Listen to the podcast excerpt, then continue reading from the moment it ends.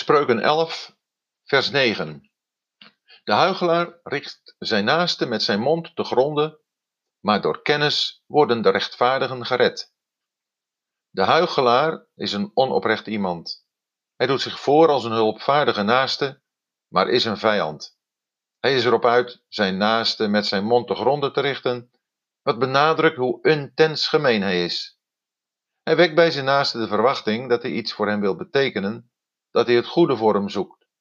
In plaats van die verwachting waar te maken, is hij uit op zijn verderf. Hij spreekt allerlei kwaad over zijn naaste om hem daardoor een slechte naam te bezorgen. Dit wordt wel karaktermoord genoemd. Hierdoor maakt hij het leven van de naaste tot een kwelling.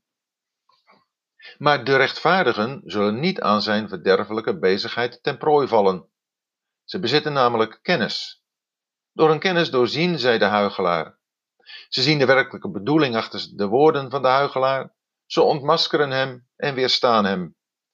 De mond van de huigelaar wordt gestopt en de rechtvaardigen zijn gered.